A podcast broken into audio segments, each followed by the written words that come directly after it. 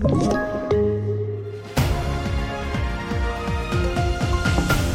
TV4-nyheterna börjar med det senaste om det misstänkta mordet i Åkarp.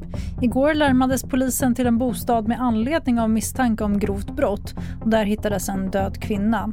En man greps och häktades senare misstänkt för mord och nu har det kommit ett erkännande, skriver Expressen. Försvarsadvokaten Magnus Hermansson säger att mannen erkänner att han dödat kvinnan men förnekar anklagelserna om mord. Så till Danmark där en 17-åring avlidit efter en skjutning på en frisörsalong under fredagen. Det rapporterades först att pojken var svensk men danska polisen korrigerar nu uppgifterna och meddelar att 17-åringen är en bulgarisk medborgare.